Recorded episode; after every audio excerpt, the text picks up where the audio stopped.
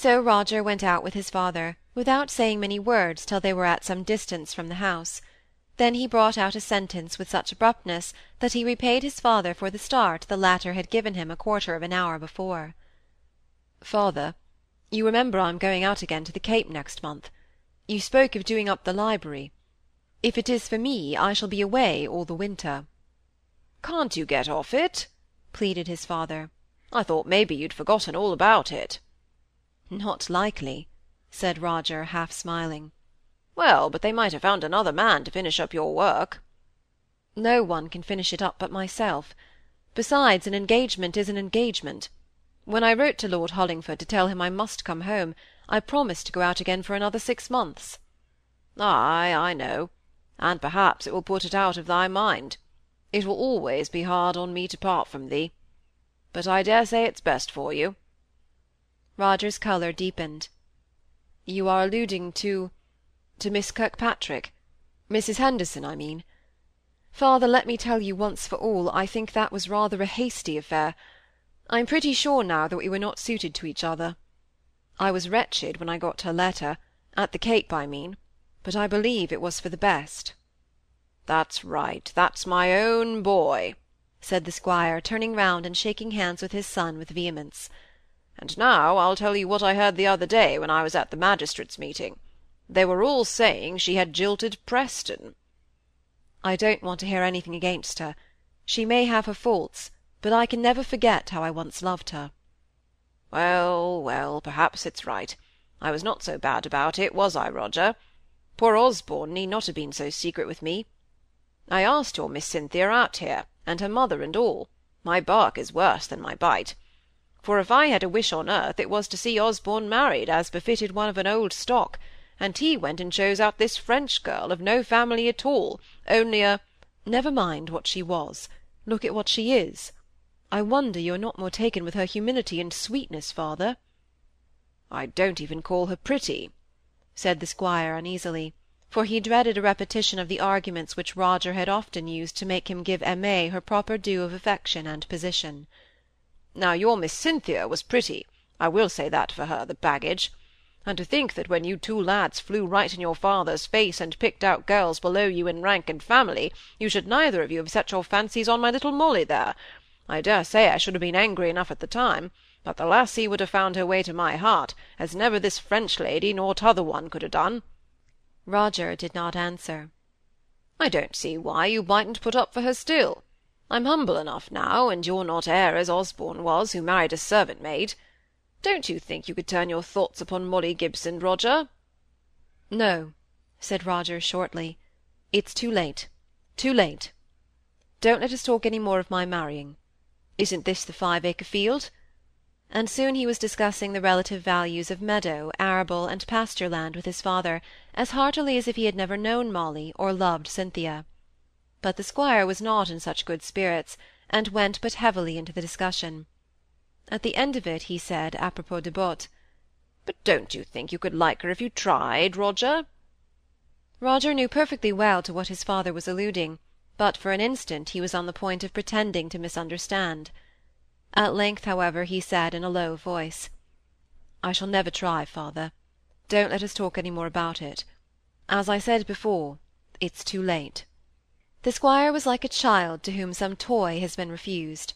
From time to time the thought of his disappointment in this matter recurred to his mind, and then he took to blaming Cynthia as the primary cause of Roger's present indifference to womankind. It so happened that on Molly's last morning at the Hall she received her first letter from Cynthia, Mrs. Henderson. It was just before breakfast time. Roger was out of doors, Aimée had not as yet come down, Molly was alone in the dining-room, where the table was already laid. She had just finished reading her letter when the squire came in, and she immediately and joyfully told him what the morning had brought to her. But when she saw the squire's face, she could have bitten her tongue out for having named Cynthia's name to him. He looked vexed and depressed. "I wish I might never hear of her again. I do. She's been the bane of my Roger, that's what she has. I haven't slept half the night, and it's all her fault. Why, there's my boy saying now that he has no heart for ever marrying, poor lad. I wish it had been you, Molly, my lads had taken a fancy for. I told Roger so the other day, and I said that for all you were beneath what I ever thought to see them marry. Well, it's of no use. It's too late now, as he said. Only never let me hear that baggage's name again, that's all, and no offence to you either, lassie. I know you love the wench, but if you'll take an old man's word, you're worth a score of her. I wish young men would think so too he muttered, as he went to the side-table to carve the ham, while Molly poured out the tea, her heart very hot all the time, and effectually silenced for a space. It was with the greatest difficulty that she could keep tears of mortification from falling. She felt altogether in a wrong position in that house, which had been like a home to her until this last visit. What with Mrs. Goodenough's remarks, and now this speech of the squire's, implying, at least to her susceptible imagination, that his father had proposed her as a wife to Roger, and that she had been rejected, she was more glad than she could express or even think that she was going home this very morning. Roger came in from his walk while she was in this state of feeling. He saw in an instant that something had distressed Molly, and he longed to have the old friendly right of asking her what it was. But she had effectually kept him at too great a distance during the last few days for him to feel at liberty to speak to her in the old straightforward brotherly way especially now, when he perceived her efforts to conceal her feelings, and the way in which she drank her tea in feverish haste, and accepted bread only to crumble it about her plate untouched. It was all that he could do to make talk under these circumstances, but he backed up her efforts as well as he could until Aimée came down, grave and anxious. Her boy had not had a good night, and did not seem well. He had fallen into a feverish sleep now, or she could not have left him. Immediately the whole table was in a ferment. The squire pushed away his plate, and could eat no more. Roger was trying to extract a detail or a fact out of Aimée, who began to give way to tears. Molly quickly proposed that the carriage, which had been ordered to take her home at eleven, should come round immediately. She had everything ready packed up, she said, and bring back her father at once. By leaving directly, she said, it was probable they might catch him after he had returned from his morning visits in the town, and before he had set off on his more distant round. Her proposal was agreed to, and she went upstairs to put on her things.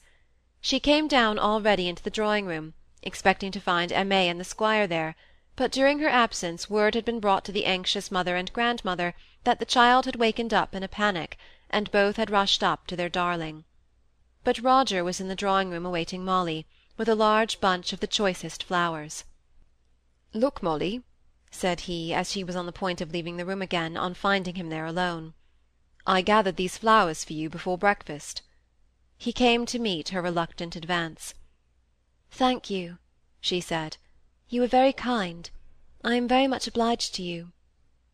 "Then you must do something for me," said he, determined not to notice the restraint of her manner and making the rearrangement of the flowers which she held as a sort of link between them, so that she could not follow her impulse and leave the room.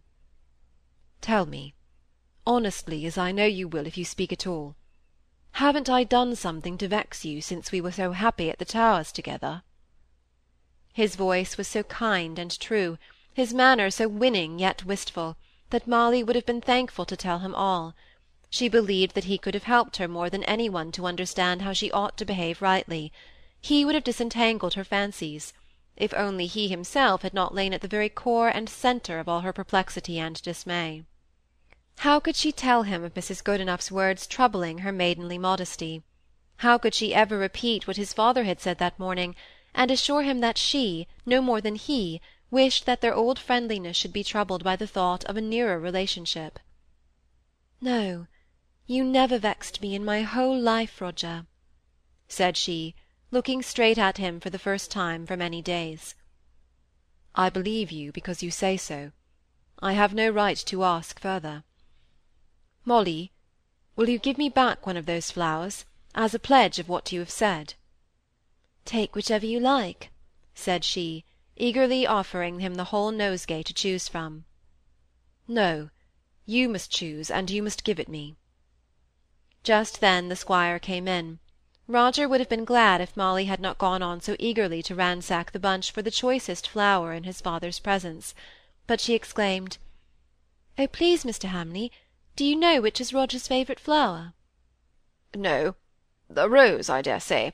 The carriage is at the door, and Molly, my dear, I don't want to hurry you, but—" "I know. Here, Roger, Here is a rose." And red as a rose was she. "I will find papa as soon as ever I get home. How is the little boy?"